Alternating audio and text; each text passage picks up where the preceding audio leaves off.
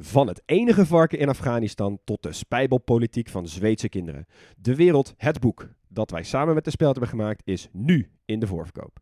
Het is de meest betrouwbare landengids der landengidsen. Het beste boek dat je nooit mag gebruiken bij je eindexamen. Ga naar grotepodcastlas.nl slash boek, bestel hem en dan heb je hem eind juni in huis. Voor je gaat luisteren, heel even dit. In de nieuwe podcast Veldheren neem ik, Jos de Groot, jou iedere donderdag mee voorbij de frontlijn in Oekraïne. Dat doe ik samen met generaals buiten dienst Peter van Um en Mart de Kruif. Zij hebben één duidelijk doel: aan jou uitleggen hoe oorlog werkt. Volg Veldheren in jouw favoriete podcast-app. Welkom bij de audioversie van de Atlas. Wij zijn drie geografen en in onze ogen is elk land de moeite waard. En hoe kunnen we zo'n land beter bespreken dan met gekke feitjes, mooie verhalen en kleine quizjes? Dit is de grote podcastlas.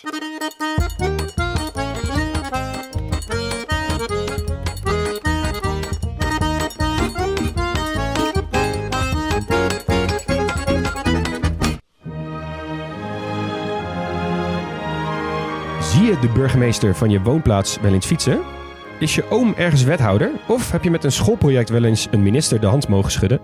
Dan weet je hoe lokaler, hoe normaler. Wordt de politiek Haagser, Europeeser en daarna mondialer, dan worden de organen vager en de mensen anoniemer. Maar is dat wel zo? Wie draaien er hoog in de boom aan de knoppen? Welke knoppen zijn er allemaal en hoe bedien je ze? Wat scheelt, de internationale diplomatie heeft vele cockpitten. Maar gelukkig heeft Nederland een veelzijdige piloot. Door de raampjes overziet Karel van Oostrom de wereld. En vandaag kijken wij eens een dagje naar binnen bij die cockpit. Een inkijkje in het leven van een topdiplomaat. Welkom hier, Karel van Oostrom. Dankjewel Leon, heel leuk om hier te zijn. Ja, wat een, uh, wat een eer om, uh, om, uh, om je te ontvangen, Karel, vandaag. Ik zal even heel kort omschrijven wat je allemaal gedaan hebt en in welke functie we je nu kennen. Gewoon puur voor even de, voor de luisteraar om een idee te krijgen okay. met wie we vandaag aan tafel zitten.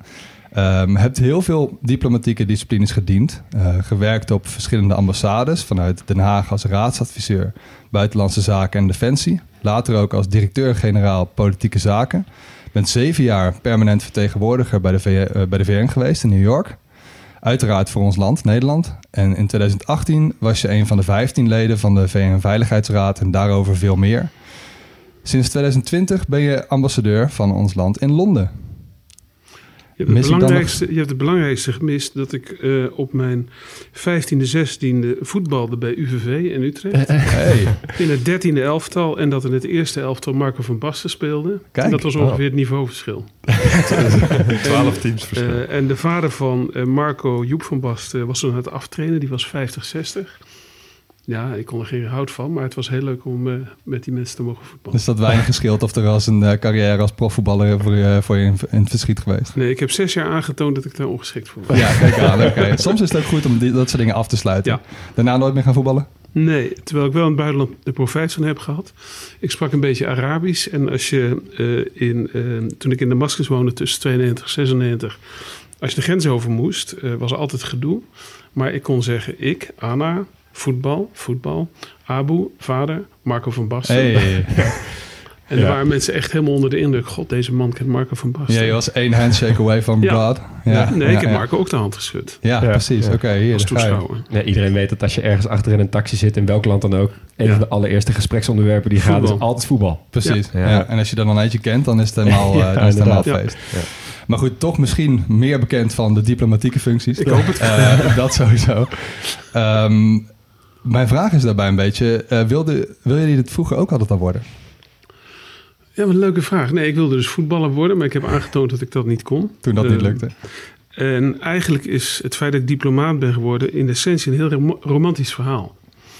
Dus het was jaar des heren 1982. Ik kende een heel leuk meisje sinds 23 oktober 1981. Belangrijke data in mijn leven.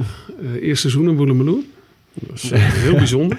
voor de Utrechtse luisteraars. Ja. Bekend voor de mensen daarbuiten. Ja. Een beruchte, beruchte nacht. Er staan ook nog wel wat vingerafdrukken van ons inderdaad. ja. En rond 20 april 82, dus dat is zes maanden later... stond er een artikel in de Volkskrant over de nieuwe diplomaat. Uh, uh, drie moderne talen, uh, Engels, Frans, Duits had ik. internationale betrekkingen had ik gestudeerd. Economie was een bijvak geweest culturele affiniteit. Ik kom uit een ongelooflijk muzikale familie. En ik ben het zwarte schaap omdat ik niks met muziek heb. Althans klassieke muziek. En ik las dat. Ik denk, dat artikel. Ik denk, hé, hey, daar ben ik. Ik had nooit geweten wat ik wilde worden. En ik liet het aan dat hele leuke meisje zien. En die keek mij lief aan en zei... eh, als je dat lukt, ga ik met je mee. En eh, vervolgens eh, ben ik afgestudeerd dat jaar. Daar ben ik militair dienst ingegaan. Uh, pelotonscommandant geweest bij de Garde Grenadiers. Daarna ben ik Nederlandse Vereniging voor Management gaan werken. Maar dat jeukte nog in mijn achterhoofd van... Het is eigenlijk wel heel leuk om samen de wereld over te gaan. Uh, en in 1984 uh, ben ik toen gesolliciteerd bij Buitenlandse Zaken. Helemaal doorheen gegaan. En sindsdien zijn we... Toen waren we al getrouwd. Uh, en vervolgens heeft zij zes keer in haar leven ontslag genomen om samen de wereld over te gaan. Wauw. Oh, ja, Dus uh, dit is echt een project van ons tweeën. Um, ja, en um, ja, ik, ik, ben verbonden met BZ omdat ons leven echt ook daarmee, um, jeetje, nu 40 jaar zo intensief verbonden is. Ja. En heel veel gezien al van de wereld daardoor. Ja, ja. ja. ik heb plaatsingen gehad, begonnen in Ottawa in de tweede helft jaren 80, toen terug in Den Haag.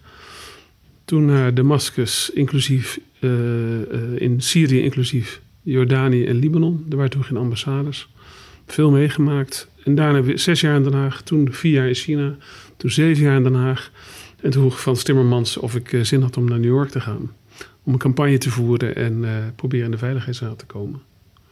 Ja, ja. ja, spoiler, dat is gelukt.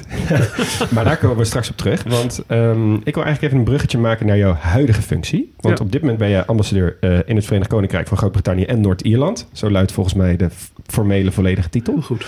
Uh, mogen we niet vergeten, Noord-Ierland. Deze dagen weer veel in het nieuws. Heel Zeker. interessant. Um, en ik wil eigenlijk even helemaal beginnen bij de basis. Ook gewoon even voor de luisteraars. Want volgens mij de meeste mensen die denken bij een ambassade of een, of een, of een consulaire instelling bij... ik ben mijn paspoort kwijt, ik bel de ambassade. Of ja. ik heb een probleem met de politie of iets in het buitenland, ik bel de ambassade. Maar wat is precies jouw rol als ambassadeur? Zou je ons kunnen meenemen in een dag in het leven van, uh, van jouw huidige ambassadeursfunctie?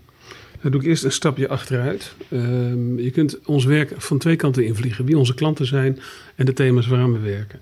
Dus aan de klantkant beginnen. Hè, wij als ambassade uh, met inmiddels 100 mensen naar Brexit. Dus van 45, 46 in 2015 verdubbeld.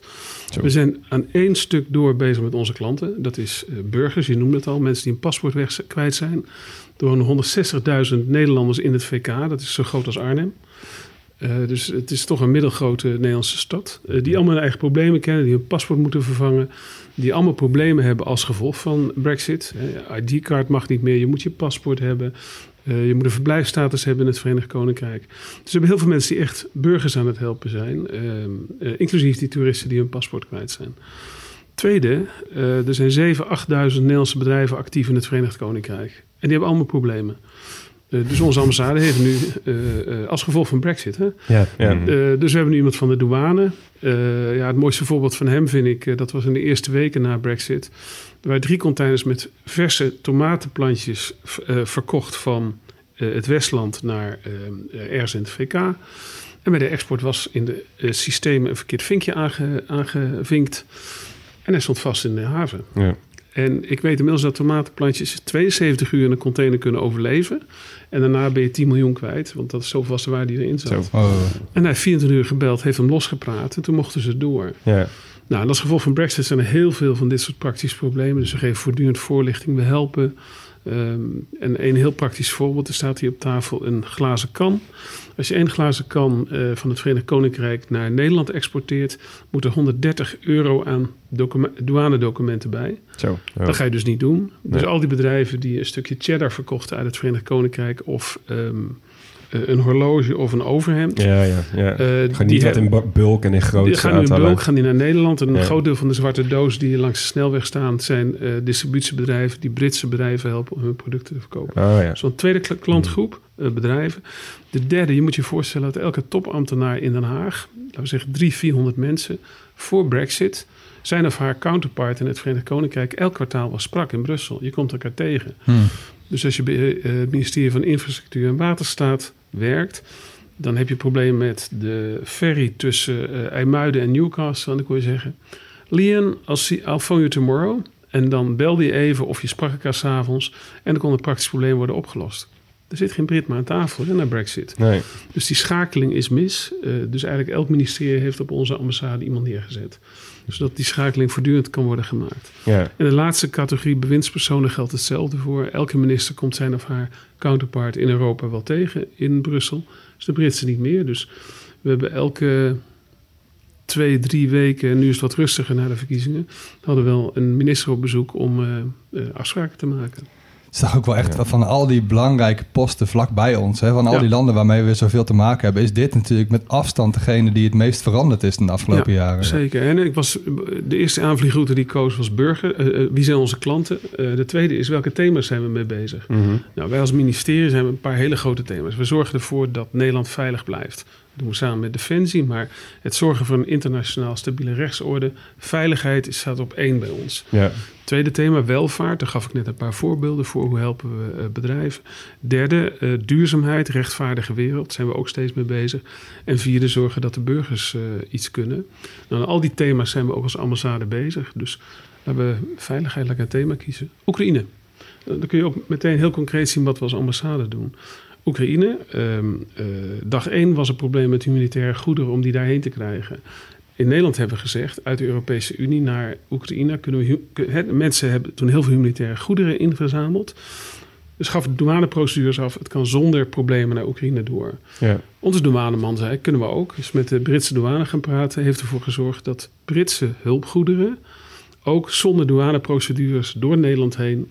naar die arme mensen in Oekraïne konden. Ja, ja, ja. Dus de douaneman. Eh, we hebben vijf mensen op onze militaire afdeling. Die zijn fulltime bezig met het begeleiden van alles wat er militair gebeurt. Ja, oké, ja. Als, je in, als je in het Verenigd Koninkrijk, ik mag de locatie niet noemen, er is één plek in het Verenigd Koninkrijk waar eh, Nederlandse militairen, Oekraïense militairen helpen opleiden Mhm. in vijf weken. Mijn eigen opleiding 40 jaar geleden was zes maanden. Nou, Oekraïners krijgen het in vijf weken. Nederlanders trainen die mensen. Nemen dan heel emotioneel afscheid. Want je neemt afscheid van iemand die je in vijf weken heel goed hebt leren kennen. En, Die naar het front gaat. en die gaan naar het Ja. front. En Ja. die kunnen twee weken later dood zijn. Ja. Eh, Dus dat is veiligheid. Ehm, burgers noemde ik al. Ik heb eigenlijk nog een dimensie erbij. eh, cultuur. Eh, we doen ook heel veel aan culturele samenwerking. We helpen ook eh, Nederlandse culturele instellingen om hun events in het Verenigd Koninkrijk te organiseren en andersom. Ja. Bijvoorbeeld binnenkort opent de grote Frans Hals tentoonstelling in het Rijksmuseum in Amsterdam. Ja, wat doe je als ambassadeur? Die heb ik in Londen mogen openen eh, toen hij daar eerst was. Ja. Ja, dat is wel leuk. Ja, dat zijn dan wel enige krenten uit cadeautjes. pap als ik dit Ja. zo hoor. Ja, Ja. want eh, hè, een, een, een dag in het leven als ambassadeur, als ik jou zo hoor, is eigenlijk gewoon elke dag is gewoon totaal anders. Ja. Ehm, dan heb ik eigenlijk twee vervolgvragen voor je daarover. Want waar ben je nou het meest mee bezig, waar je eigenlijk het minste zin in hebt? En andersom, waar ben je eigenlijk het minst mee bezig, waar je het meeste zin in hebt? Zo. Zeg maar, zijn er voorbeelden van dingen te noemen? Doe hem één voor één. Ja, dus waar ben je het meest mee bezig? Waar je eigenlijk niet zoveel zin in hebt. Of in ieder geval iets wat misschien voelt als een moedje. Of juist omdat het gewoon zoveel impact heeft op je leven. Of, Ik ben een optimist. eh, dus dat, het, het kenmerkt mij dat ik een optimist ben, positief. Eh, en dat ik heel sterk in het hier en nu leef. Dus ik kan alleen maar zeggen dat ik een ontzettend leuke baan heb. En dat ik eigenlijk geniet van alles wat ik doe. Ehm, ja, dus ik vind het heel moeilijk te zeggen wat ik dan niet leuk vind om te doen. nou, minst leuk, hè? Dus zelfs in alle dingen die heel leuk zijn, zijn er dingen die het minst leuk zijn. We hadden van tevoren eigenlijk de disclaimer moeten zeggen... dat we hele diplomatieke antwoorden zouden krijgen vandaag natuurlijk. Daar, wil je daar meteen een antwoord op die laatste opmerking? Er bestaat een misverstand dat diplomatie betekent dat ik altijd diplomatiek ben. Diplomatie gaat over effectief gedrag. Kijk, Eh, als ik diplo- diplomatiek ben tegen een Rus, we gaan het straks over de Verenigde Naties hebben. Maar als ik diplomatiek ben tegen een Rus, eh, wanneer we eh, echt ruzie hebben over MH17 of het tribunaal krijgen. Als ik dan heel diplomatiek ben, dan hoort hij me niet. ja, ik heb een collega die zit in Azerbeidzjan, die krijgt dingen over zich heen. Als je dan heel vriendelijk en aardig blijft, dan lopen mensen over je heen. ja, Dus een echte diplomaat is in staat om te schakelen in zijn gedrag. In dit geval, ik heb serieus niet een goed antwoord. Ik, ik vind mijn baan echt heel erg leuk. Eh, ehm, omdat ik inmiddels sinds ik ambassadeur ben ook in staat ben om de organisatie waarin ik in werk op mijn manier vorm te geven. Ehm, eh, en soms in een grote organisatie heb je last van een groter geheel. In Londen zitten we met zulke fantastische mensen dat ja, ik ga fluiten naar mijn werk. Dat durf ik dat echt te zeggen. ja. En het tweede gedeelte van je vraag was? Waar je het minst mee bezig bent. Waar je eigenlijk wel veel meer mee bezig zou willen zijn. Want als ik je net al zo hoor, kijk, ik snap dat het heel bijzonder is om bijvoorbeeld eh, echt iets te kunnen betekenen voor de veiligheidssituatie in Oekraïne. Ja. Eh, of bijvoorbeeld voor de, voor de ondernemer uit het Westland die zijn uh, tomatenplantjes bijna ziet te verpieteren. Maar ik kan me ook voorstellen dat het, uh, dat het voor Brexit, ja, dat was, was, jij, nooit- niet. was jij niet natuurlijk. Maar ik kan me wel voorstellen dat er misschien dingen zijn waarvan je denkt, nou, hier zou ik me wel echt meer, dit zijn echt leuke dingen om er veel meer mee bezig te houden dan iets reactiefs of iets op eh, veiligheidsgebied. Ja, eh, eh, eh, eh, diplomaat zijn betekent een enorme impact op mijn privéleven. Eh, dus wat ik meer zou willen doen. Ik heb een geweldige zoon, die is 29, heet Gustav, werkt bij Randstad. Ehm, die zou ik vaker willen zien. Ja. En het voordeel van Londen is dat ik dichterbij ben. Maar toen wij naar New York gingen in 2013, was hij in zijn, net begonnen aan zijn tweede jaar bij University College in Utrecht. Ja. En we denken wel eens terug, eh, daar- we gingen gewoon naar New York toe en is hij daar achtergebleven. Hm. En ik denk dat hij heel blij was dat we weg waren, want hij had echt vrijheid. En toch tegelijkertijd denk ik van, als ik terugkijk in mijn leven, wat ik het meest gemist heb, is. eh, ehm, eh, ik heb niet te weinig gedaan, vrienden, familie. En eh, Londen is wat dat betreft een geweldige plek, omdat iedereen makkelijk langskomt. En we met één eh eurostaartje van 3,5 uur in Den Haag zijn. Ja. Dus dat compenseren we nu. Ja. Ja. Was een- eh, los van de nabijheid tot Nederland, eh, Londen ook extra aantrekkelijk voor jou, omdat het nu zo'n rumoerige tijd is daar de afgelopen jaren? Ja, ik beslis niet zelf waar ik heen ga. Nee, begrijp ik, maar Ehm, trok dat tegelijk- je aan of had je zoiets van, ach, geef me even een... eh, Ik kan voorkeuren aangeven, maar ik weet zeker dat het kabinet besloten heeft dat ik naar Londen zou gaan. Omdat ik in staat ben om een groter team goed te laten functioneren. Eh, kan zorgen dat een eh, organisatie staat, dat mensen weten wat ze moeten doen. En ehm, eh, de overgang in New York van een klein, relatief klein team met een uitbreiding van 25 mensen was een enorme managementuitdaging. Afgezien van alle inhoud en alles wat we imp- impact extern moesten hebben. En in Londen gold hetzelfde. Dus toen het kabinet besloot, denk ik dat er ook wel eens nagedacht van. Eh, ik ben niet een Einzelganger die alleen met zichzelf bezig is. Ehm, eh, eh, ik, ik gedij bij samenwerken met andere mensen. Dat vind ik ook leuk. Ja. Eh, Interessant ook om te horen dat die ambassade van het Londen... dat die zoveel groter is geworden sinds de brexit. Dat Ja. heb ik me eigenlijk nooit zo beseffen. logisch het ook is heel wel, logisch, want Ja. er zijn heel veel posten die komen erbij. Of in ieder geval hè, veel wereldjes, veel ministeries. Ja. Veel, er is veel meer behoefte aan, aan communicatie die er eerst helemaal niet was. Omdat ze gewoon dezelfde ambassade waren als een Berlijn of een Parijs of wat Ja. dan ook. Omdat ze gewoon een EU-land waren. En nu ineens krijg je een hele rare status van zo'n land. En dan krijg je dus ook heel veel mensen erbij. En eh, het is nog steeds verandering. Hè? En daar zijn we voortdurend voorlichtingen over aan het geven. Nog een heel makkelijk voorbeeld de komende twee jaar. Ehm, eh, eh, dus de afgelopen twee jaar is veranderd dat je ook met je Europese ID-kaart naar Londen kon. Dat kan niet meer, alleen met je paspoort. Ja, oh ja. Dus ik krijg nog steeds telefoontjes in het weekend. Ik sta hier met mijn paspoort. En, eh, sorry, ik sta hier met mijn ID-kaart. Ik kan niet naar binnen. En dan, ja, daar kunnen we ook niks aan doen. Nee. Dus neem je ID-kaart mee. In de komende twee jaar, en jullie zijn ongetwijfeld wel eens in, Verenigde, in de Verenigde Staten geweest, heb je ESTA. Moet je van tevoren Ja. registreren, je paspoort, alles. En dan betaal je iets van 10 dollar of zo, 7,5 Ja, iets dollar. meer is het volgens mij tegenwoordig. Maar het is inderdaad, je kan het in het vliegtuig moet- invullen, bij wijze van Oké, spreken. ehm, eh, dat gaat tussen de Europese Unie en het Verenigd Koninkrijk ook komen. Oh, ja, Eh, fijn. eh, dus dat is heel fijn, maar Ja. dat moet je wel van tevoren doen, anders heb je een Hmm. probleem. Ja. Dan heb je ook nog het Europees Entry and Exit systeem, waarbij je vingerafdrukken, wat je in het Verenigde, de Verenigde Staten ook hebt, gekoppeld worden in je paspoort aan een Ja. database. Ja, dat gaat ook aan beide kanten gebeuren. Dus ehm, ook voor de komende twee jaar, eh, houd het in de gaten en zorg dat je dat op orde hebt voordat je vertrekt. Want je kan het niet in het vliegtuig doen. Je moet het doen voordat Ja. je aan die Eurostar komt of aan de voorkant. Ja. Dan sta je daar heel zielig en dan bel je de ambassade en zeggen ze, ja, beter voorbereiden. Ja, want is het dan, hè, want als ik dit zo hoor, dan zou ik denken, oh, dit, is, dit ligt op het niveau van twee staten die dit, eh, of in ieder geval in dit geval de EU en het Verenigd Koninkrijk, die dit met elkaar moeten besluiten. Eh, wat, is, wat is dan jouw rol daarin? Ga jij, breng jij advies of is het gewoon meer dat het beleid wat daar bedacht wordt, dat jij verantwoordelijk wordt voor het uitrollen naar Nederland daarvan? Onze rol is, het zit op een aantal dimensies. Zit in ieder geval voorlichting geven aan onze belangrijkste groep klanten. Dus al die toeristen, maar ook de 160.000 mensen die daar wonen, die zich op moeten voorbereiden. Dus bij de verandering van eh, dat je ID-kaart niet moest, eh, niet meer mocht hebben om het VK in te komen, hebben we echt ook een campagne, voorlichtingscampagne gegeven aan iedereen in Nederland. Zorg dat je paspoort meeneemt. Ehm, en voor dezelfde dingen geldt het wat ik net allemaal vertel, maar ook aan de Britse kant bestaat heel weinig bewustzijn wat het praktisch betekent. Ja. Dus eh, eh, ja, heel concreet. eh, minister Jezus was op bezoek in het VK, sprak met Suella Braverman, haar counterpart. En ik heb toen de minister ook aangesproken, de Britse minister. Zei, weet je dat dit allemaal speelt? De minister van Binnenlandse Zaken. Ja, dat komt wel goed. Ik zei, nou, dat betekent dat, dat, dat. Het betekent heel concreet. Zijn jullie wel eens met Eurostar naar Londen gegaan? Het is gewoon Nee. een station. Het is Ja. een station, dat is niet zo groot. Dat betekent dat daar machines moeten komen. Dat betekent dat een heel groot gedeelte van St. Pan- Pancras in Londen toch omgezet moet gaan worden.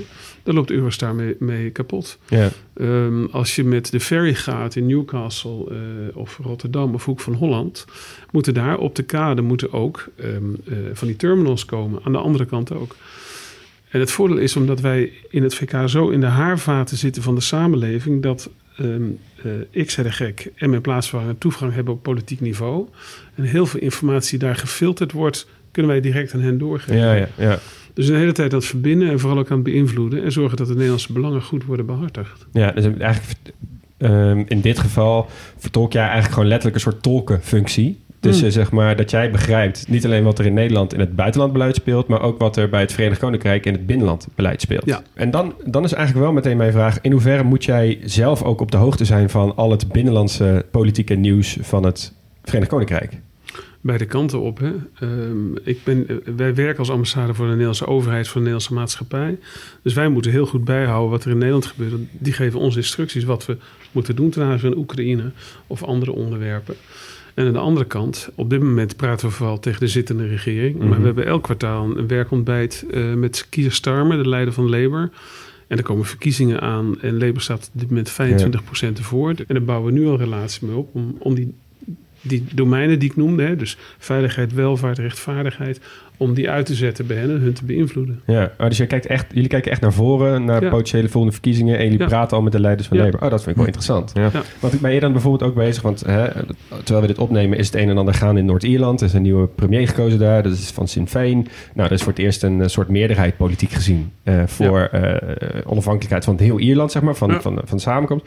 Kijk je ook naar dat soort, het is natuurlijk een brug te ver nog Ja. om dat te zeggen hoor, maar in hoeverre kijk je dan naar zo'n situatie in Noord-Ierland, eh, ook met het oog op Brexit, ook met het oog op de relatie met Nederland? Eh, er zitten een aantal dim- dimensies aan. Om te beginnen voor Nederland. We hebben daar een historische rol, omdat eh Noord-Ierland mede is ontstaan doordat William en Mary en William in de tijd daar ehm, eh, eh, eh, ook aanwezig is geweest.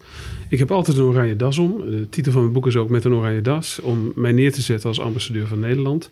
De enige plek waar mijn team zegt die oranje das gaat niet om, is in Noord-Ierland Ja. Hmm. omdat dat echt een kleur is van de, de unionisten. Ehm, zeg maar de mensen, protestanten, die vooral bij het Verenigd Koninkrijk bij de, de Union willen blijven. Dus er gaat geen oranje das om.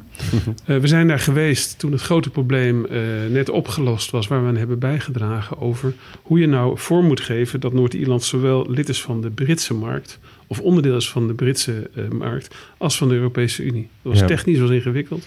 Daar is Windsor Framework eh, voor eh, is de oplossing geweest. En onze douanemensen, en er zitten drie Nederlandse douanemensen bij de EU douanemissie in de haven bij, eh, van Noord-Ierland.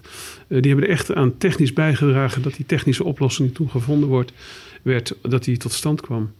Ja, laat ik nog een mooi verhaal vertellen. Ehm, toen we daar waren met ons team, was er ook een, eh, een twintigtal studenten van eh, de Artes, eh, de Hogeschool voor de Kunsten uit Arnhem, Twente, dacht ik. Nou, in ieder geval, Ja. in ieder geval Artes, A-R-T-E-Z.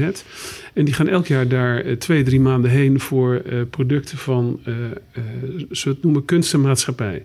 En dan proberen ze met elkaar projecten te ontwikkelen, die, kunstprojecten te ontwikkelen, die relevant zijn voor de context van Noord-Ierland. Nou, heel concreet. die hebben allemaal zijn die een aantal weken in, op het scheidslijn in Belfast gekomen, waar een hele grote muur staat.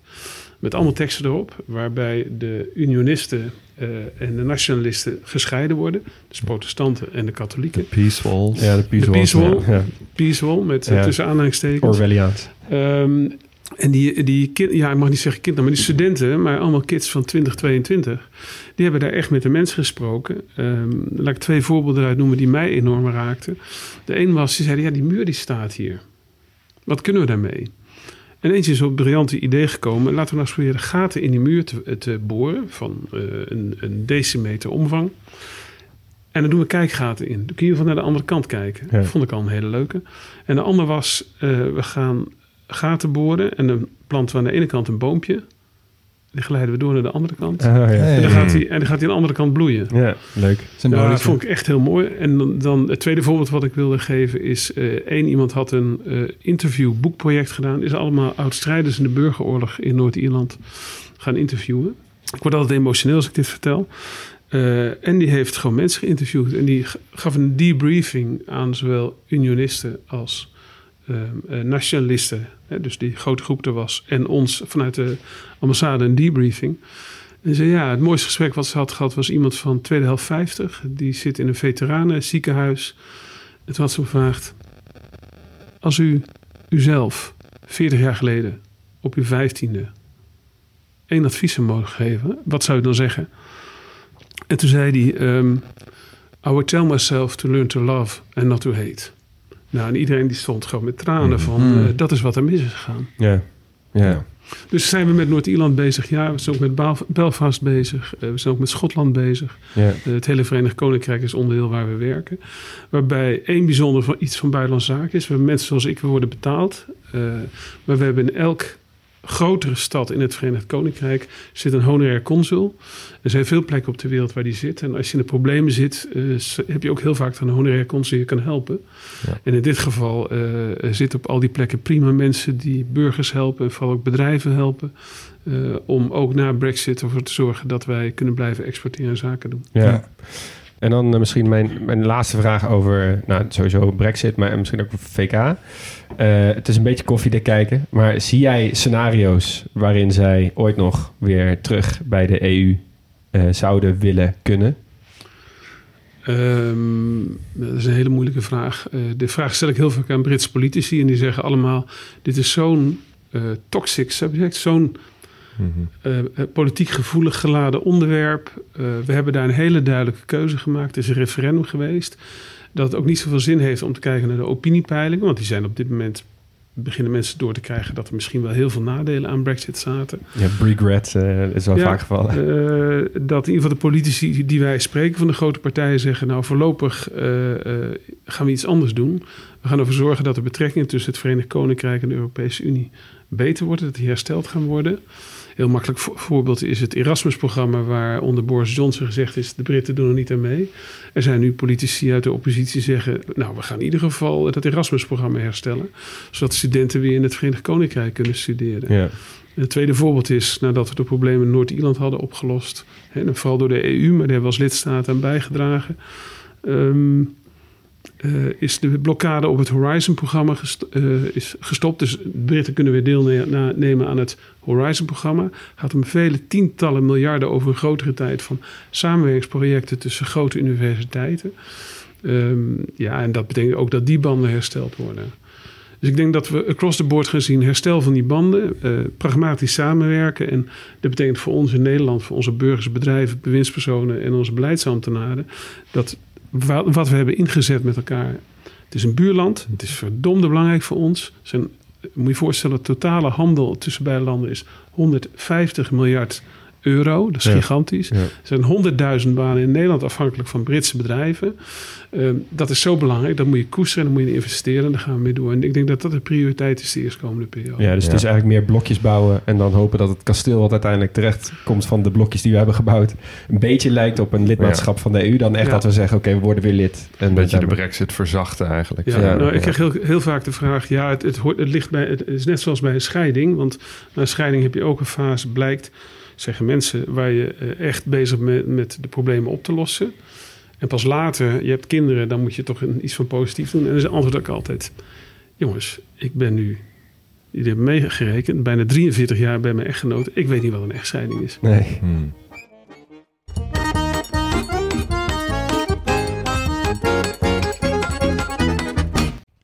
Stop de podcast. Je vakantiegeld komt eraan, dus het is tijd om jouw reis te boeken. En onze sponsor van vandaag heeft een dikke kortingscode. En die sponsor van vandaag is Sawadi, niemand minder. Dit is een reisorganisatie en vakanties zijn natuurlijk duur, dus dit aanbod is extra interessant deze tijd. Ik vind dat altijd een mooie organisatie, Sawadi. Ja, ja Zeker. ik ook wel. En Ja. ze bieden verschillende soorten eh, groepsreizen aan. Eh, en vandaag gaan we het even hebben over die ze aanbieden aan de 22 tot 35-jarige backpackers. En dat zijn over het algemeen mensen die wel wat meer willen weten over het land dat ze bezoeken. En dus niet zomaar van A naar B die hotspots aflopen, busje in, busje uit. Ja, en het zijn ook mensen die het vaak leuk vinden in een groep eh, te reizen. En eh, die groepen die blijken ook heel snel vriendengroep te worden. Zowel tijdens de reis als daarna. Eh, mensen komen vaak nog heel, veel, heel vaak met elkaar terug, spreken af om te meeten en zo. En je kunt dus ook echt naar heel veel plekken op de wereld. Populair zijn op dit moment plekken als Zuid-Afrika, Marokko, Jordanië, Colombia, Nepal.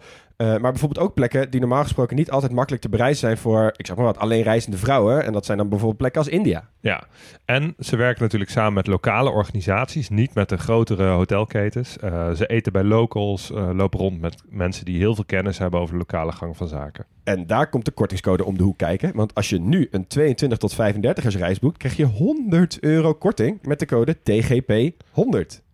En die code is geldig van 1 mei tot 16 juni. Ja, dus je moet wel een beetje op tijd boeken, maar hey, 100 euro korting op zo'n reis. moet je kijken dat- wat je er allemaal mee kan ik doen. zou dan toch altijd even proberen om TGP 200 in Ja, te voeren. ja, ja, ja, dat ja. ik misschien. Ja. Ja, ik- Anyway, 100 is ook al super mooi. Zeker. En bij Saudi, het reizen is heel makkelijk. Er is heel veel keuze en het is dus ook heel gezellig. Saudi, met wie ga jij op reis? Terug naar de podcast.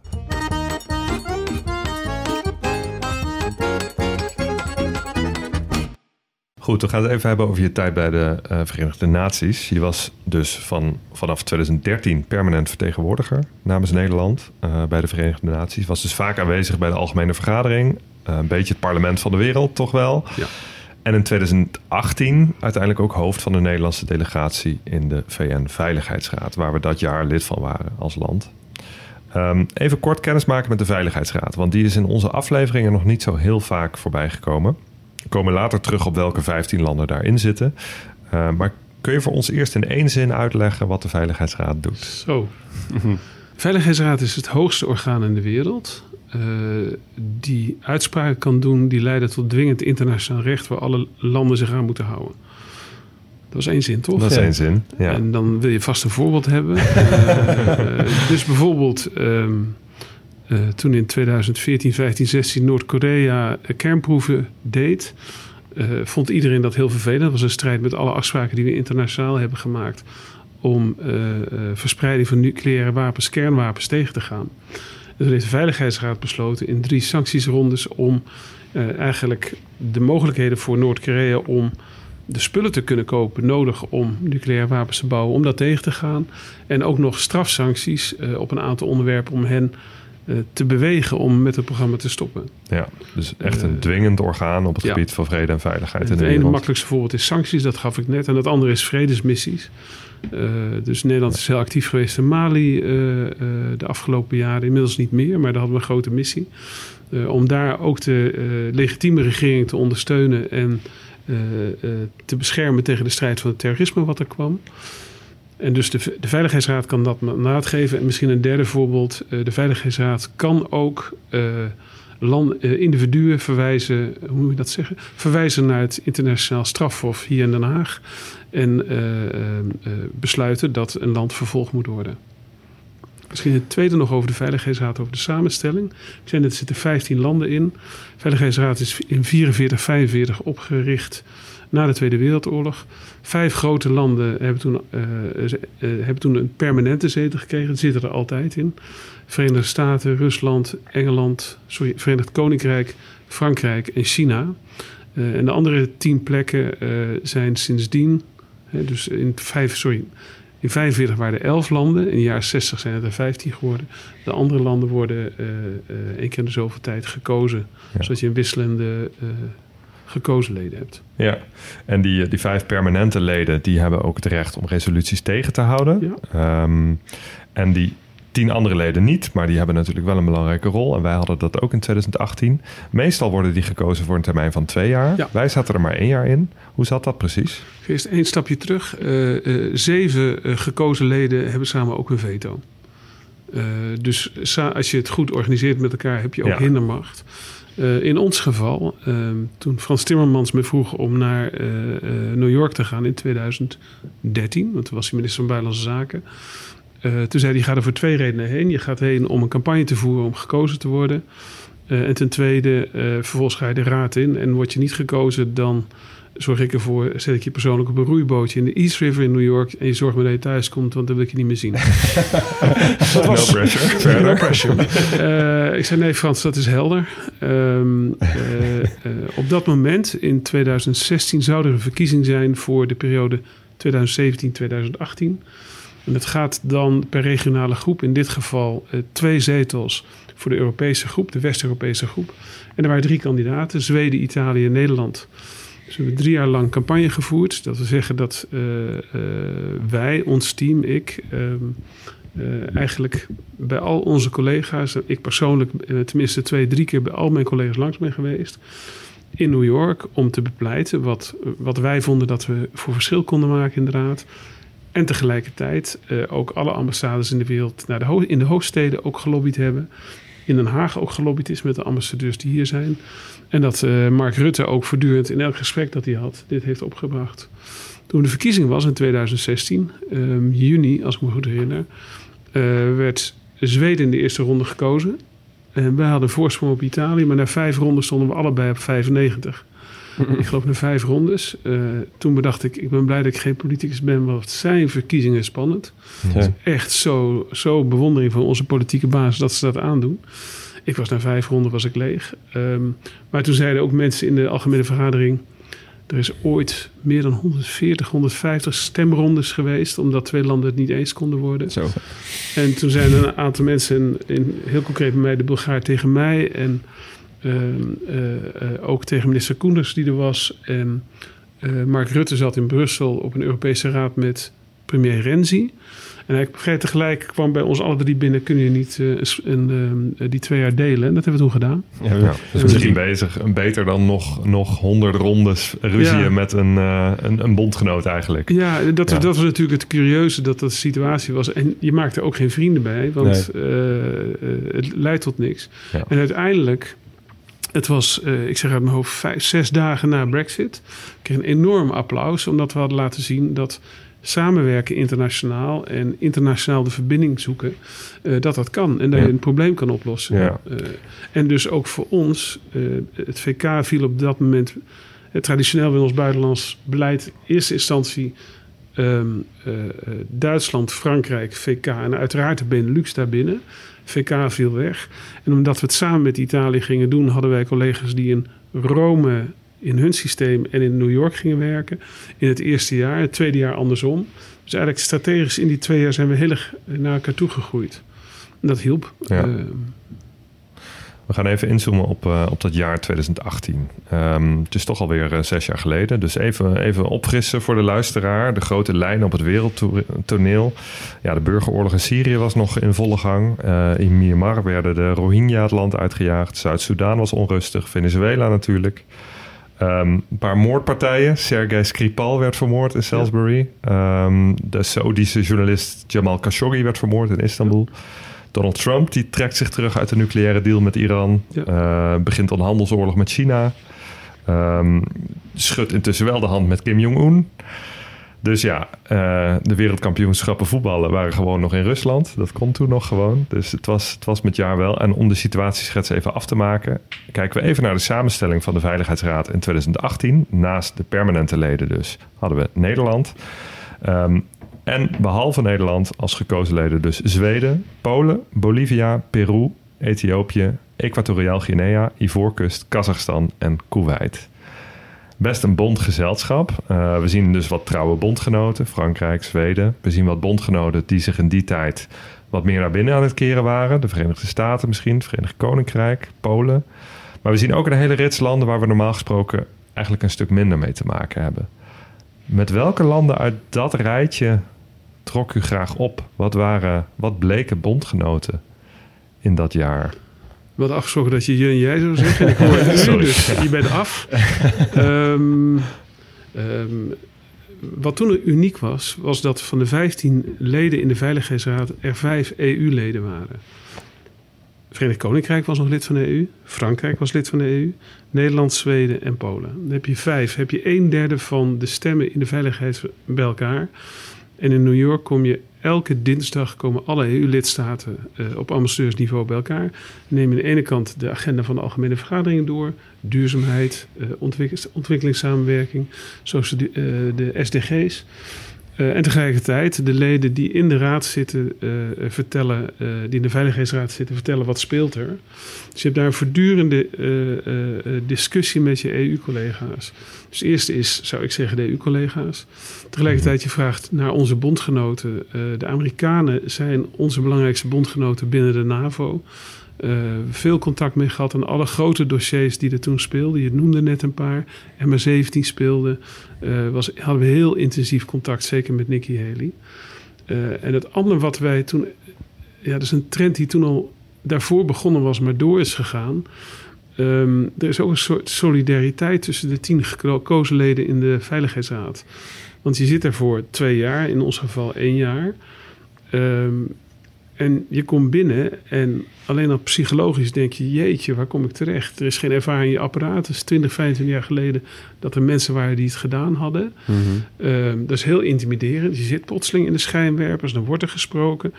Uh, en heb je vijf permanente leden die hun eigen gewoontes hebben, die vrij dominant zijn. En ook af en toe sommigen wat neerbuigend kunnen doen. Ja. Er was iemand die op een gegeven moment zei. Um, um, die zeiden voortdurend: uh, de, de niet-permanente leden zijn eigenlijk een soort toeristen. Die komen wat kijken, ze zijn niet zo relevant. Ja. En we hadden echt een groep van tien gekozen landen die daar vrij uh, heftige gevoelens over hadden. Ze hebben twee dingen gaan zeggen. Eén, we zijn niet non-permanent, we zijn niet niet-permanente leden. Uh, dat is namelijk een negatieve uiting. We zijn gekozen leden. Ja. En elke keer als een, een van de permanente leden zei van... ach, je zijn maar niet permanent. zei ik, nee, nee, nee, dat zeg je fout. Uh, als jij zegt dat wij niet permanent zijn... ga ik vanaf nu zeggen dat jij niet gekozen lid bent. Want jij bent niet gekozen. Ja. Ja. Wij hadden een democratische legitimiteit van 128 minstens... Uh, andere lidstaten die op ons gekozen hadden. Dat hebben de permanente leden niet. Nou, dat is, een, dat is een discussie die toen al liep en die nog steeds loopt. Uh, maar ik vond dat wel. En we hadden dus ook heel vaak met z'n tienen vooroverleg in een apart zaaltje uh, buiten de Veiligheidsraad om te kijken waar we elkaar konden helpen. Ja. We hadden drie grote thema's waar we het verschil op wilden maken. Um, uh, instellen van strafsancties tegen mensensmokkelaars. Uh, versterken en verbeteren van vredesmissies. Mede vanwege onze verantwoordelijkheid in 1995 in Srebrenica. En ten derde duurzaamheid, tegengaan van gebruik van honger als een oorlogswapen. En alle initiatieven die we daar hebben genomen, hebben zowel aan de ene kant uit opgebouwd met onze EU-lidstaten. Als onze, als ons, dat is waar ons buitenlands beleid grotendeels tot stand komt. En met de Britten. En aan de andere kant met de, de negen andere gekozen landen. Want dan helpen zij ons. En als zij een ander onderwerp hebben waar zij op willen helpen, wat wij kunnen hebben of wat ook voor, kunnen we hun steunen. Dus dat spel hebben we de tijd zo gesteld om die allianties te bouwen. Ja. En gaat op twee niveaus. één op de inhoud en twee ook op relatie. Je moet er echt voor zorgen dat uh, je voortdurend met elkaar kan blijven praten. Ook knarsen af en toe. Ja. En wie zijn dan uh, misschien inderdaad, wie zijn dan de landen waarmee je echt, zeg maar, los van de, de usual suspects, ja. hè, de Frankrijk en de VS. Dus even de, de, Bolivia's en de Equatoriaal Guinea's en de Kazachstans en zo. Wat, wat, welke ontpopten zich echt als, uh, als ja, trouwe metgezellen eigenlijk? Uiteindelijk allemaal. Allemaal. Uh, onze grote knarsen, de grootste problemen hadden we met, vooral met Rusland op dat moment. Ja. we zaten toen in grote problemen met MH17 in, sinds 2014. Uh, ik zat achter Frans Timmermans met zijn indrukwekkende speech in 2014 die in de Veiligheidsraad hield. Een jaar later, in 2015, hebben we uh, geprobeerd om een tribunaal op te richten. Dat is door de Russen gevetood. En het derde jaar, dus in nee, vierde jaar, dus in 2018, hadden we weer een moment dat de Veiligheidsraad zich wilde uitspraken. En toen was minister Blokker. En de, de Russen hebben dat bikkelhard geblokkeerd. En dat gaat dan ook echt bikkelhard. Maar ik hoorde net dat Kazachstan zat er bijvoorbeeld ook bij. Is dat dan niet voor hun een beetje een moeilijke rol, zeg maar? Als in wel gekozen, wel inderdaad onderdeel van die tien... maar toch ook echt wel een hele trouwe bondgenoot van Rusland... en ook een beetje van China? Ja, ook, wel, ook wel steeds minder, hè? Ze zijn Ook wel steeds wel minder, maar toch, keren ja. tegen Rusland. Maar ze hebben natuurlijk economisch zijn ze heel afhankelijk van Rusland. Ja, en bij de Verenigde Naties tegen Rusland ingaan is At, natuurlijk at ook the wel end of the thema. day, bij de belangrijke stemmingen stemden ze mee. En dan eh, zal in de toelichting op een stemming, in ons geval een, een positieve stemming op dingen die wij wilden, kun je verzeld toegaan van een wat, wat vriendelijke tekst waar je, eh, waar je van Een soort stemverklaring. stemverkla- helemaal goed, een stemverklaring waar je eh, wat scherpe randjes mogelijk met de Russen of de Chinezen af kan halen. Ja. Eh, maar we hebben echt goed met hun kunnen samenwerken. En Bolivia was voor ons eh, ook niet ver weg van ons bedshow. Omdat drie van onze landen in het Koninkrijk, Aruba, Curaçao, Sint Maarten. hè, Het Koninkrijk bestaat uit vier landen. Drie daarvan liggen in eh, de Cari- Caribische Zee. En Bolivia is net niet een buurland, maar achter het is, is landlocked, is, is wel heel vlakbij. Ja. Ja, zeker in een jaar waarin het toch ook wel spannend was met Venezuela en Ja. eh, eh, de aanspraak die zij maken op, op ja, delen van de Cariben. Ehm, ik wil eigenlijk ook even, even naar de praktijk van een, een werkdag als vertegenwoordiger in de Veiligheidsraad. Hoe, hoe vaak komt de Veiligheidsraad eigenlijk bij elkaar? Of is dat alleen maar op, op afroep? Beide. Mijn Koeweitse collega eh, was voorzitter in de eerste maand in 2018. En eh, die had bedacht: ik wil ehm, iets doen wat aansluit op wat wij de vorige keer lid in de Veiligheidsraad waren. Dat was 40 jaar daarvoor. Alle onderzoeken nagedaan. In de maand dat zij het voorzitterschap hadden, de laatste keer, 40 jaar geleden, was er één vergadering van een sanctiecomité. Verder was de Veiligheidsraad niet bij elkaar gekomen. Oh. Ehm, sinds eh, 1989, de val van de muur, is de Veiligheidsraad steeds meer gegroeid. eh, in die periode gegroeid tot de rol die het moet hebben. Ehm, de hoogste autoriteit op het gebied van vrede en veiligheid. Ehm, ik heb het idee dat ik in het jaar dat ik in de Veiligheidsraad zat, voortdurend in de Veiligheidsraad zat. Eh, of eh, als ik dan even niet in een vergadering zat, dan zat ik in een, eh, een vooroverleg of een informele consultaties. Of als ik een keer zelf thuis aan het ontbijten was, wist ik dat mijn. ik had een hele goede plaatsvervanger, ook ambassadeurstitel. Eh ambassadeur Lise Gregoire. Dat hij dan een werkontbijt deed eh, over het thema Myanmar. Want dat is een van de thema's die zij deed. Eh, dus de Veiligheidsraad is voortdurend in overleg. Deels van wat wij zien van tv, die grote mooie officiële zaal. En dan de consultatiekamers die daarbij horen. En dan alle vergaderzalen van de 15 leden. En als de Veiligheidsraad zelf niet bij elkaar kwam, dat deden we ook. Dan waren we aan het debriefen bij andere leden in het lidmaatschap. om alle landen eh, die op ons gestemd hadden ook te informeren wat we gedaan hadden. Kun je het een beetje zien als een ijsberg? Dus je ziet eigenlijk alleen de, de Ja. vergadering, maar daar achter de schermen gebeurt er eigenlijk nog veel meer. Nooit zo benoemen, ik vind dat je een heel mooi beeld schetst. Ja, ik denk dat ook die verhouding is. Oké, ja. Ehm, in dat jaar was eh, ons ministerie van Buitenlandse Zaken niet echt een baken van rust als we kijken naar, eh, naar het ministerschap. Bert Koenders was in aanloop eigenlijk al demissionair, werd vervangen door Halbe Zijlstra. Die Ja. verslikte zich in de datsje van Poetin. Sigrid Kaag verving hem tijdelijk. Toen kwam Stef Blok. Was dat moeilijk voor uw werk? We hebben in dat kabinet, voordat we de Veiligheidsraad ingingen, een paar heel duidelijke prioriteiten gesteld. Eh, ik noemde ze net, eh, versterken van vredesmissies, tegengaan van eh, honger als oorlogswapen in bredere context van, van duurzame ontwikkeling en ehm, eh, het straffen, het, het, het tegengaan van mensensmokkel en de straffen van eh, mensenhandelaars in Libië. En al die ministers hebben eh, bij een aantreden een inwerk, inwerkdossier gekregen. Ik ga ervan uit dat die prioriteiten daarin stonden. eh, en al die ministers hebben daar bij gedaan. Eh, Sigrid Kaag was volgens mij toen ook minister van Buitenlandse Handel en Ontwikkelingssamenwerking. Dus ze, was, eh, eh, ze was al minister, maar heeft even kort die portfolio erbij gedaan. Een van de dingen die we met haar hebben gedaan is op 8 maart 2018 een eh, geheel vrouwelijke sessie van de Veiligheidsraad proberen te beleggen. Internationale Vrouwendag. Op Internationale Vrouwendag. Eh, en ik weet niet meer, dat heeft ze volgens mij in ieder geval als minister gedaan. Eh, ik voelde heel sterk continuïteit, omdat het kabinet gewoon die lijnen had uitgezet. En een minister accenten kan zetten. Maar als er kabinetsbeleid is, loopt dat wel door. Ja. Ja. Als het beleid sterk genoeg is, dan is het Ja. van ondergeschikt belang wie Ja. dat dan precies is. Maar Ja. dat is beter dan andersom. Dus dat je dus dat heel erg samenhangt aan de persoon. Ja. Ja. Het voelde niet rommelig voor jou dus. Nee. Nee. Nee. Nee. Eh, Je kunt de Veiligheidsraad ook vanuit management en organisatie maar op één manier doen. Één, je doet het niet alleen. Je doet het in diepe verbondenheid met de collega's in Den Haag. En met de, de ambassades in de landen waar het zit. Het is een voortdurende driehoek en het schakelt voortdurend. En die minister, eh, eh, wie dat ook is, het kabinet, wordt vooral door mijn collega's in Den Haag bediend. En ik, in New York heb ik eh, direct met de minister te maken als de minister komt. Dan haal ik hem of haar van het vliegveld, dan praten we. En dan bereiden we hem of haar extra voor op wat hij of haar moet doen. Uh, maar de dagelijkse praktijk in Den Haag is echt één stap op afstand. Ja, ik snap het. Ja. Dus anders. Op welke prestatie die Nederland in 2018 in de Veiligheidsraad heeft behaald, al dan niet met andere landen, ben je het meest trots? Er zitten een aantal dimensies aan vast. Eén, we hebben een aantal prioriteiten gesteld. De regering heeft dat gedaan, uh, wat we wilden bereiken. En die heb ik net genoemd. Versterken vredesmissies, tegengaan van honger als oorlogswapen... en het instellen van sancties tegen mensensmokkelaars. Die stonden. En op alle drie hebben we echt uh, resoluties bereikt en echt voortgang bereikt. Dat is één. Twee, daar hangt direct mee samen dat de totale agenda van de Veiligheidsraad is uh, ik weet het niet uit mijn hoofd, 60, 70 onderwerpen. Dus je hebt een voortdurend ijzeren werkvoorraad die je overspoelt.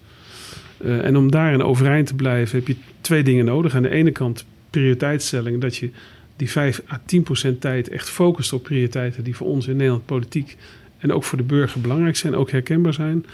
Aan de andere kant heb je een heel goed team nodig. Dus wel aan de, voordat we dit jaar ingingen, hadden we met elkaar, met al die nieuwe mensen, hadden we ook echt een doelstelling voor onszelf geformuleerd. Iedereen moet gezond uit dit jaar komen. Uh, er zit voor mij ook een emotioneel aspect aan vast. In de derde maand in die Veiligheidsraad ging mijn collega uit Côte d'Ivoire ging dood. Oh. En ik had hem zien werken en hij werkte dag en nacht. En hij werkte dag en nacht en werkte dag en nacht. En dan een zwak hart. Mm. Is gewoon mm. overleden. Um, uh, later, uh, toen de Ieren in de Veiligheidsraad zaten, is de tweede man van hun overleden. En, ik, kan, ik ben geen dokter. Maar er wordt heel hard gewerkt. We hebben met elkaar ja. gezegd: we zitten hier met het hele team, met alle uitbreidingen gehad. Wij gaan het samen doen, maar we zorgen ook voor dat we samen gezond aan het eind van het jaar doorheen komen. Uh, en dat hebben we goed gedaan. Er is heel goed op elkaar gelet. Is heel goed voor elkaar gezorgd. Een hele duidelijke afspraken. Hoe gaan we met elkaar om? Uh, ook um, uh, makkelijke afspraken in het weekend. Als er iets urgent is, moet je appen. Je mag e-mailen, maar dan mag je niet op reageren in het weekend. Respecteer elkaars vrije tijd. Als het urgent is, even appen. En we hebben dat met elkaar gedaan. En ik, liep, ik kwam net hier, we zijn hier deze opname in het ministerie aan het maken. En er kwamen twee collega's uit die tijd. Ik denk dat we onderling ook een enorme, ja, ik mag wel zeggen, een soort professionele vriendschap hebben gesloten. Ja, kan me ja. voorstellen. Ja. Dus echt, je gaat samen door iets heel ja. ingewikkeld, iets heel bijzonders. Ik ben van overtuigd, we made the difference. We hebben echt een verschil gemaakt. We hebben echt concrete resultaten geboekt. Waar, ja, Nederland zeker, maar misschien de wereld ook wel een heel klein beetje beter en veiliger van geworden is. Uh, daar zijn we trots op. En laat ik nog een heel ja. concreet voorbeeld geven. Ik heb het steeds over honger als oorlogswapen. Een paar jaar later kreeg de Wereldvoedselorganisatie uh, uh, kreeg de no Nobelprijs voor de Vrede voor het geweldige werk wat ze hadden gedaan. Er stonden tien overwegingen in. En de mensen van die organisatie doen de meest moeilijke conflicten zorgen ervoor dat er eten komt als een van de tien overwegingen stond. En ze hadden er mede voor gezorgd dat de belangrijke veiligheid, Veiligheidsraadresolutie over uh, het niet gebruiken van honger als een uh, uh, uithongering, als een oorlogswapen, dat ze daar actief aan hadden bijgedragen. En we zijn nog steeds met elkaar in contact. En één, iemand zei van nou, 1% van de Nobelprijs is ook een beetje voor de Nederlandse diplomaten dat we die resolutie toen hebben gerealiseerd. Kijk. Nou, ja, ja, een beetje Mooi. onbescheiden, maar we hebben echt Ja, verschil dat- Ja, gemaakt. maar alles hangt Ja. gewoon bij elkaar samen. Zeg Ja. maar. Dat werkt Ja, helemaal goed. En mooi Ja. ook om te zien dat die, ja, het, het belang voor een gezonde werkomgeving, dat dat toch ook een van de dingen is waar u terecht trots op bent. Ehm, er is al lang een discussie gaande over de samenstelling van de Veiligheidsraad. En dan met name de, de permanente leden. Is het niet tijd om nieuwe permanente leden aan te wijzen? Meer gekozen leden? Nou, Brazilië, Duitsland, India, Japan staan te trappelen. En dat is ergens ook wel te begrijpen. Het ingewikkelde is natuurlijk dat hervorming alleen lukt als geen van de huidige eh, permanente le- leden daarvoor gaat liggen. Begin 21ste eeuw zag het er naar uit dat er een klimaat was waarin dit misschien best wel kon gaan gebeuren. Dat lijkt de afgelopen jaren aardig vervlogen. Zie jij het nog ooit gebeuren? Eh, laten we eerst kijken naar welke sleutel, eh, twee sleutels in welk slot moeten worden gedraaid. Er zitten twee sleutels op hervorming van de Veiligheidsraad. De eerste is dat, zoals jij zei, de vijf permanente leden eh, geen veto uitspreken. Dat betekent dat je aan een land als China vraagt eh, of het zich niet zal verzetten tegen toetreding van Japan of India. Het is een beetje toch alsof je aan een kalkoen, als hij zou kunnen spreken, eh, of die wel of niet op het eh, hakblok wil voor kerstmis. Ja. Dus dat is de eerste sleutel die erop zit. De andere sleutel die erop zit is twee derde van de algemene vergadering moet voorstemmen. Ehm, ja, en als India lid wordt van de Veiligheidsraad, dan zegt Pakistan wij ook. Als Brazilië lid wordt van de Veiligheidsraad, zegt Argentinië wij ook. En je ziet dat ongeveer rond de een derde van de lidstaten in, de, in New York eh, in zo'n situatie zit van ja, we zijn voor hervorming, maar dan moeten wij ook. En eh, eh, de Nederlandse regering heeft daar een heel duidelijk standpunt over. eh, goedgekeurd door het parlement. Ja, de Veiligheidsraad moet hervormd worden. Er moeten meer gekozen leden in. En zeker de vier die eh, de, eh, net werden genoemd. Hè, dus eh, India, Japan, Duitsland en Brazilië. Die moeten erin. Bovendien is er geen permanente, zetel voor een land uit Afrika. Dat klopt ook Nee. niet. Dus wij vinden dat als Nederland. Daar dragen we ook lobby ook voor. Maar die twee dubbele sleutels maken dat heel ingewikkeld. Je zou, je zou bijna zeggen dat als het mondiale zuiden zich verenigt, eh, dat ze dit wel voor elkaar zouden moeten kunnen boksen. In ieder geval één. Maar ja, als goed, het is- Argentinië zich erbij neerlegt dat Brazilië gaat en zij niet bijvoorbeeld, ja, Ja. dan... eh ja, het is dat, maar dat het is daar. natuurlijk nog wel ingewikkeld. Ja, exact. Ja. Ja.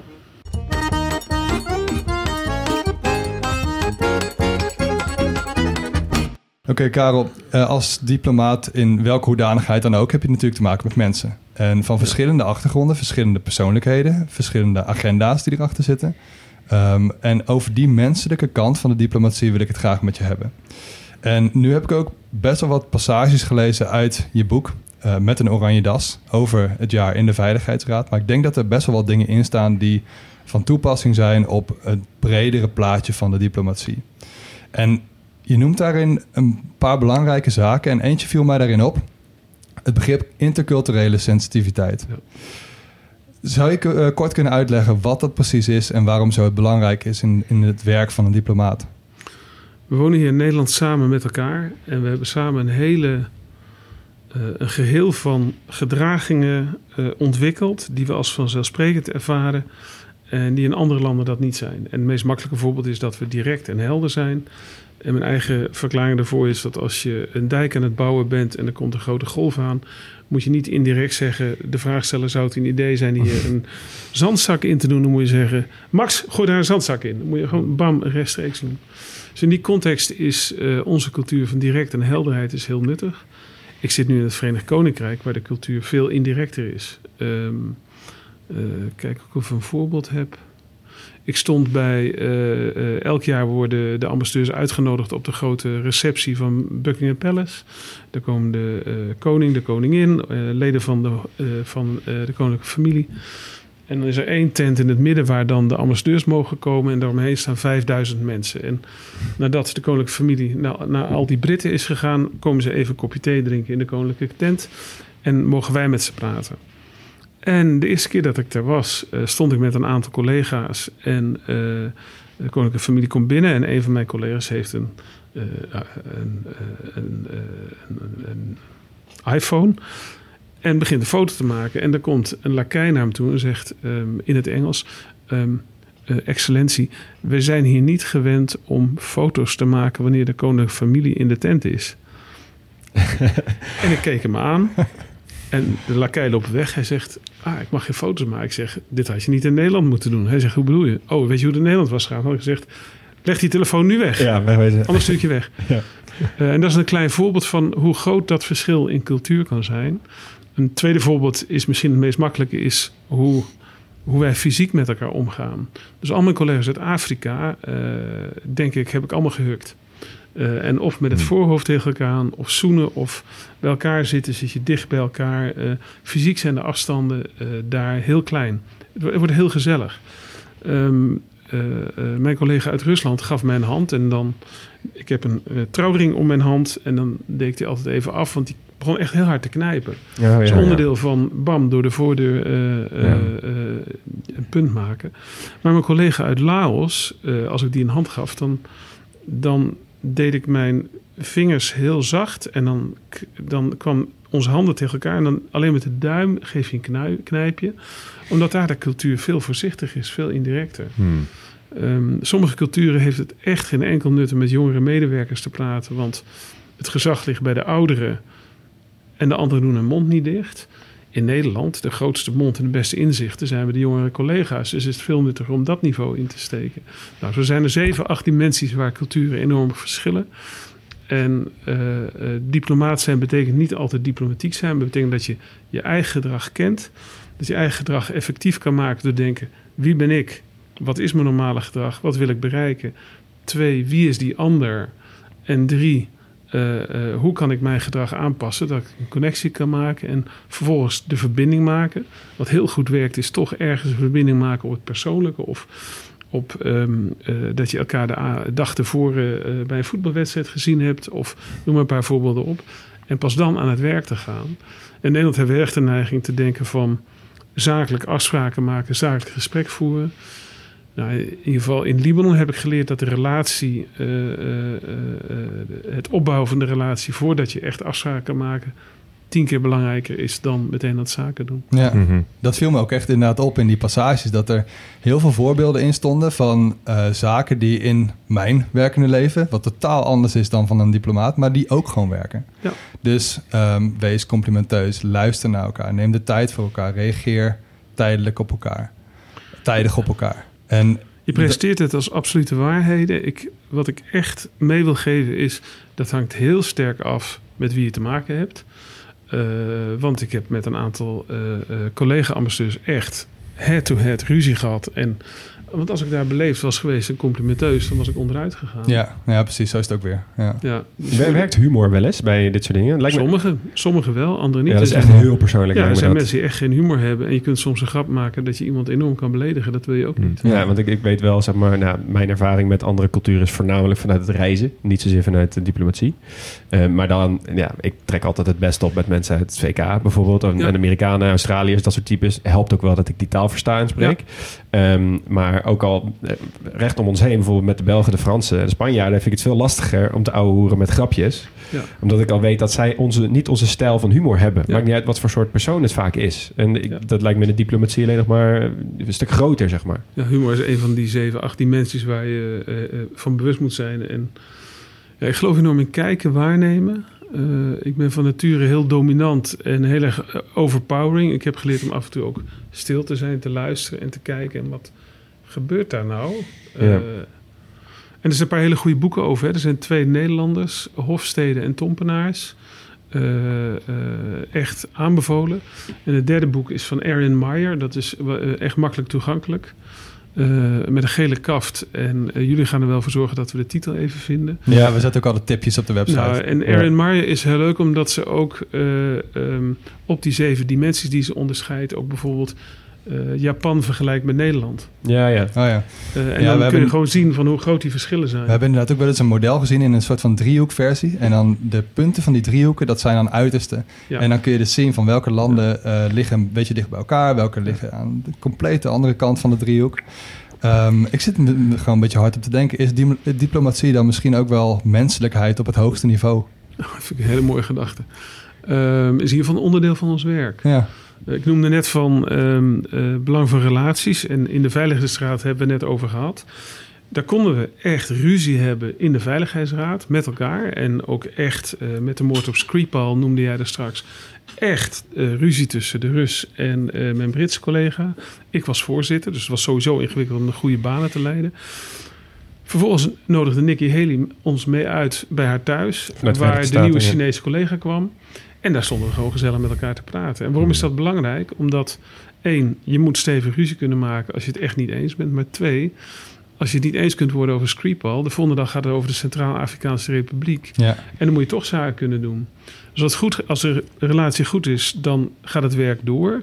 Heeft misschien zelfs een positieve bijdrage. Als wij slaande ruzie hebben, heeft dat volgens een negatieve uitwerking op het bereiken van resultaten op andere domeinen.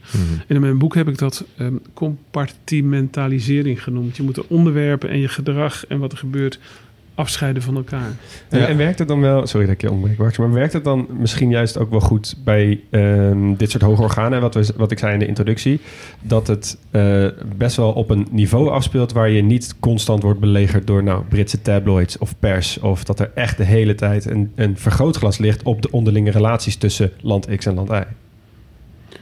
Ja, ik herken dat beeld niet. Eh, wa- wat ik het moeilijkste vond in de Veiligheidsraad. Ik ben tot dat moment was ik ambtenaar. En eh, ik heb veel van mijn ministers en minister-presidenten mogen helpen en adviseren. Maar ik gaf nooit persconferenties. En plotseling in de Veiligheidsraad stond ik als ik binnenkwam kwam voor, voor acht of tien of twaalf media eh, vertegenwoordigers. En die schreeuwen door elkaar heen met vragen. En dan moet je een openingsstatement doen. En vervolgens vraagt iemand at random over iets waar je die ochtend niks over gelezen hebt, moet je een antwoord op geven. Dat vond ik enorm stressvol. Heb ik, ben ik ehm, eh, intensief eh, heb ik er een training voor gehad.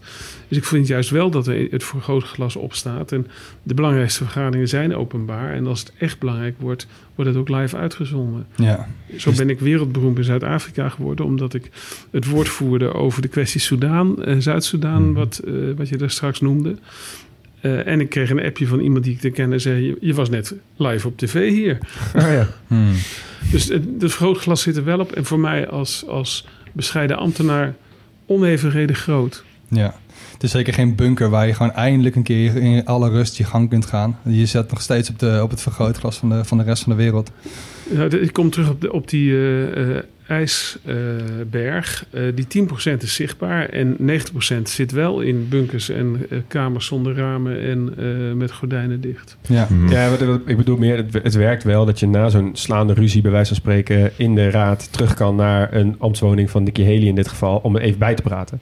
Want je ziet bijvoorbeeld, als je trekt naar het landelijke niveau van de politiek, je kan geen, geen huis meer bezoeken met eh, twee eh, tegenpolen qua oppositie en coalitie bijvoorbeeld, voordat er drie pers in de bosjes ligt om met een, met een eh, telelens om daar foto's van te maken. Ja, ga ik toch nog daar toch ook weer een parallel met New York ehm, eh, geven.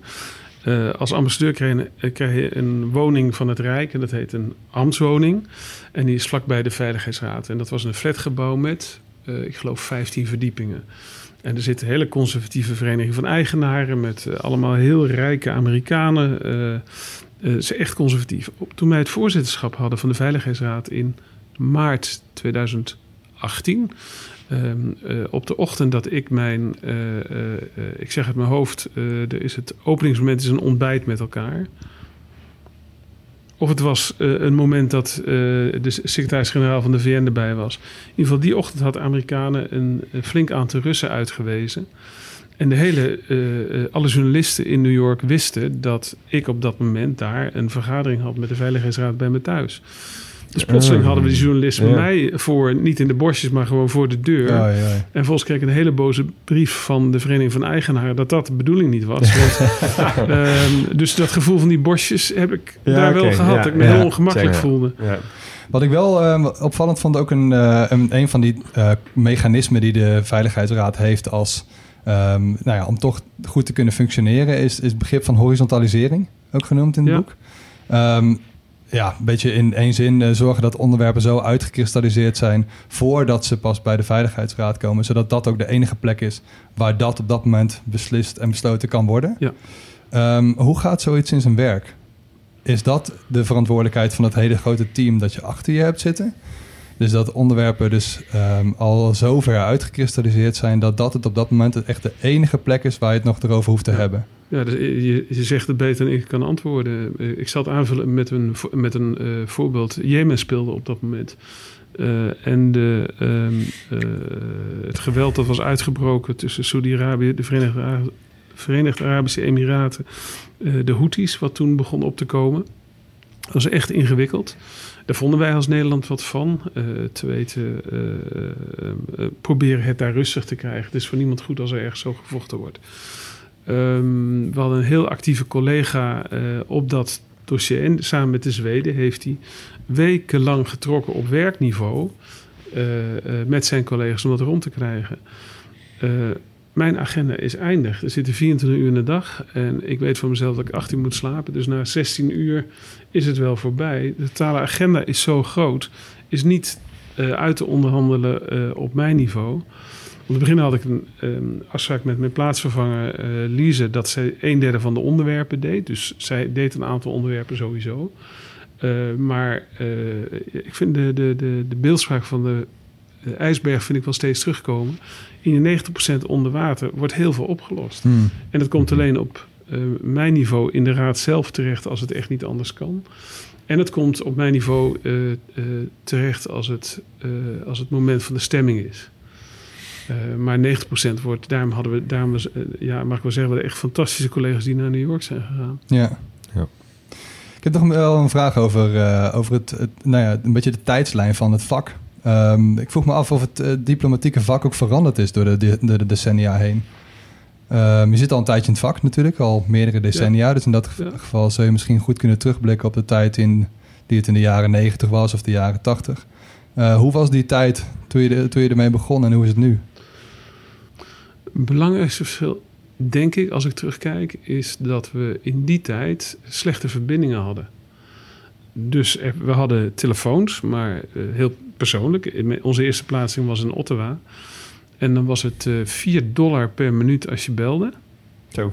Ja. Vaste lijn. Oké. Okay. En uh, zowel mijn echtgenote Anna als uh, ik hebben uh, zuinige ouders uit de jaren 50 na de Tweede Wereldoorlog. Dus dat waren gesprekken van: Hallo pap, mam, hier, hier ben ik. Karel. Oh, het is veel te duur. Het gaat hoe dag.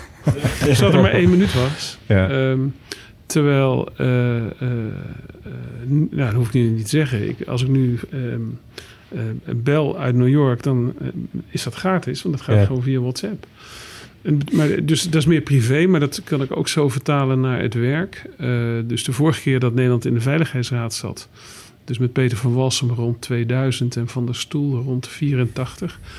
Daar waren telexen, hè? gecodeerde telexen met van die gele bandjes met gaatjes erin. En dan was er een agenda en dan kwam er formele instructie. En dan moest uh, de, uh, uh, of van de stoel of van Walsen moest op basis van die instructies zijn eigen verhaal houden. Um, ik heb momenten gehad dat het heel ingewikkeld was, dat er nog geen politiek besluit was wat we moesten stemmen. En dat afhing van de laatste verandering in een tekst. Dat via WhatsApp ik instructie oh je mag dit doen. Ja. Live ja. meekijken. Het is gewoon live. Het is, Ja. instant- het is nu. Ja. Ik denk dat is wel het snel grootste verschil. Ja. Dus weer Ook. nog één tweede. Ik vind de impact van wat we meemaken groter, ook omdat de wereld meekijkt. Dus op het moment die moordpartij op Skripal, dat heeft de hele wereld kunnen zien. Eh, en vroeger zou dat de volgende dag in de krant gekomen zijn. En eh, toen het een stukje verder was het op tv gekomen. Eh, dat is, het is nu. Ja. Ja. Maakt het videobellen het, het een bedrijf van diplomatie ook makkelijker dan bijvoorbeeld toen dat vroeger telefonisch ging? Het grote verschil ook met in de tijd is dat het niet alleen gaat om bellen. Het gaat om WhatsApp, het gaat om e-mailen, het gaat om sms'jes. Het gaat om appgroepen waarin eh, de collega in Mali, eh, de expert in Den Haag en mijn collega in New York in één appgroepje voortdurend informatie wisselen. Waardoor wij in de raad ook voortdurend goed beslagen kwamen. Videobellen deden we wel, maar niet zoveel. En ik associeer dat heel sterk met COVID. En de opkomst van Zoom. En eh, op mijn eh, iPad staan 19 andere manieren om ehm, ehm, eh, eh, virtueel te vergaderen. Dat is daarna gekomen. En ik kan me voorstellen dat in... Nou, ik zat in de laatste maanden van mijn tijd in New York... was COVID uitgebroken. De laatste vijf maanden heb ik plotseling, plotseling alleen virtueel vergaderd. Maar dat speelde in 2018 nog niet zo. Oh ja. Hm. Maar ik denk dat het wel een impact gaat hebben de komende jaren. Mhm. Ja. En Tegelijk, tegen- Tegelijkertijd, er gaat niets boven een persoonlijke relatie. Eh, ik zit jou aan te kijken en jij vertelt iets en je zegt iets. En ik denk, ja, ik, ik kan inschatten hoe- wat je vindt, wat je denkt. Dat is heel iets anders dan een kopje op een schermpje. Ja. Eh, Ja. Je, zijn kan geen, je kan geen handen schudden via Ja, Zoom, zeg dat maar. ervaren we Nee. denk ik ook Nee. allemaal wel in ons Ja. werk. Hè? Of je nou diplomaat bent of niet. Dat Ja. het toch anders is. Ja. Ja. En Maakt het per diep, eh, diplomatieke discipline die je op dat moment beoefent uit eh, hoeveel ruimte er is juist voor persoonlijke goede banden? Of is dat een soort constante die, die, die een, een absolute voorwaarde is in je werk? Je stelt hele goede vragen omdat ik steeds heel goed moet nadenken. Ehm hangt er vanaf wat ik aan het doen ben. Eh, Covid was voor ons allemaal heel vervelend. Eh, voor iedereen die hier aan tafel zit, maar ook voor iedereen die naar deze podcast luistert, denk ik. Eh, in het VK was het ook vervelend. We begonnen daar helemaal in lockdown. En tegelijkertijd voor ons werk was het eigenlijk een zegen, omdat we met die enorme overgang van Brexit bezig waren mijn voorganger naar Wales ging en dan in een, eh, in een, eh, eh, in een achterafzaaltje in een café 15 Nederlanders bij elkaar kon krijgen en kon uitleggen wat er gebeurde. Dus het hele land voortdurend doorgegaan. Inmiddels had hij zijn eerste twee YouTube-opname gedaan. En bereik je met één YouTube-opname 10, 15.000 mensen. Dan heb je veel meer impact. Ja. Je hebt een stuk, die- minder, een stuk minder Nederlanders die een paspoort kwijtraken. En, eh Veel minder dus dan. hè? Ja, capaciteit vrij. En aan de andere kant, ehm, eh, bedrijven die problemen hebben. Ja, je kan één seminar in, eh, bij VNO-NCW doen. Dan komen 20, 30, 40, 100 bedrijven. We hebben zoveel webinars en seminars via eh, diverse eh, virtuele media gedaan. En dan heb je veel meer impact. Dus eigenlijk voor ons werk blijft die relatie belangrijk. Eh, maar het hangt inderdaad af van de soort werk waar je het over hebt. Hmm, toch wel. En, en, en eh, als iemand zijn paspoort kwijt is, moet toch naar de ambassade komen voor een laissez-passer. Ja. Ehm, Ja, zo is het Ja. ook. En als je nu terugkijkt op een, een, een leven met heel veel verschillende diplomatieke eh, posten en disciplines. Ehm, mocht er een luisteraar van ons zijn die zegt van ik wil graag dat, pad wel gaan najagen. Wat voor persoon moet je zijn om een succesvol diplomaat te kunnen worden? Gewoon puur op de persoonlijke kenmerken. En wat voor persoon misschien ook vooral niet. Ehm, ehm, wat ik heel belangrijk vind, is dat je het persoonlijk goed voor elkaar hebt. Eh, diplomaat zijn heeft een enorme impact op je gezinsleven.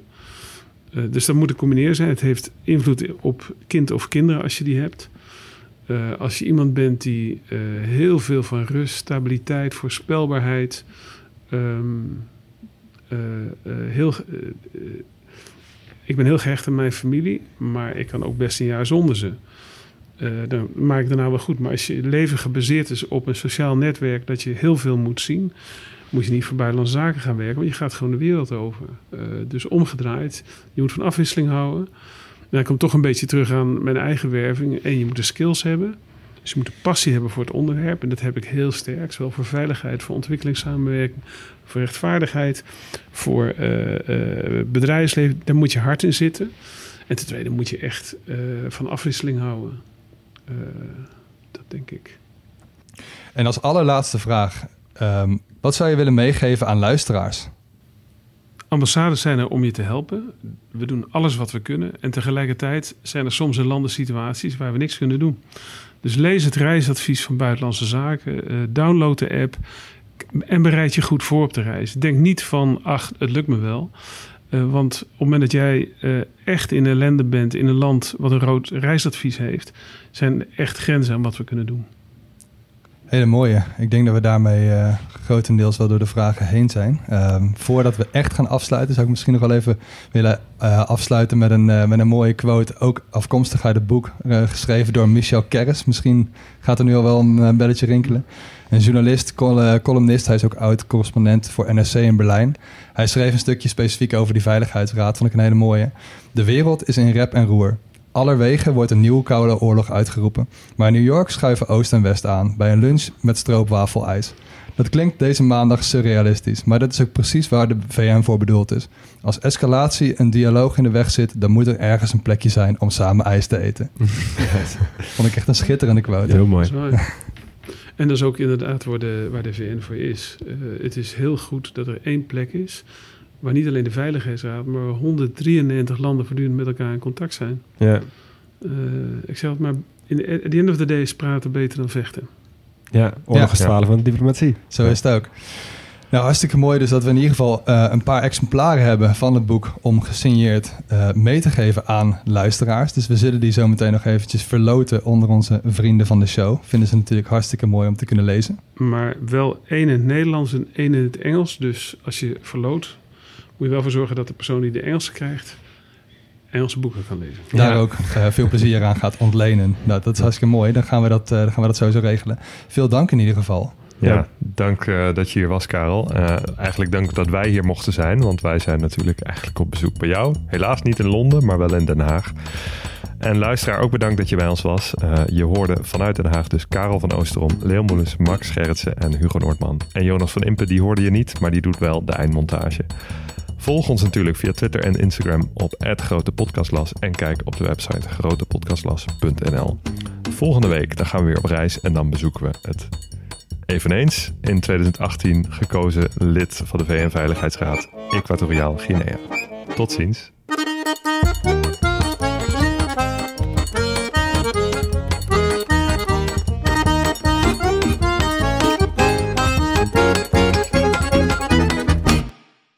Luisteraar. Luister je nog steeds? Klasse man, je hebt er gewoon helemaal afgeluisterd. Nou, nu je tot hier bent gekomen, koop dan ook gelijk even ons boek hè. grotepodcastlas.nl slash boek. Doei!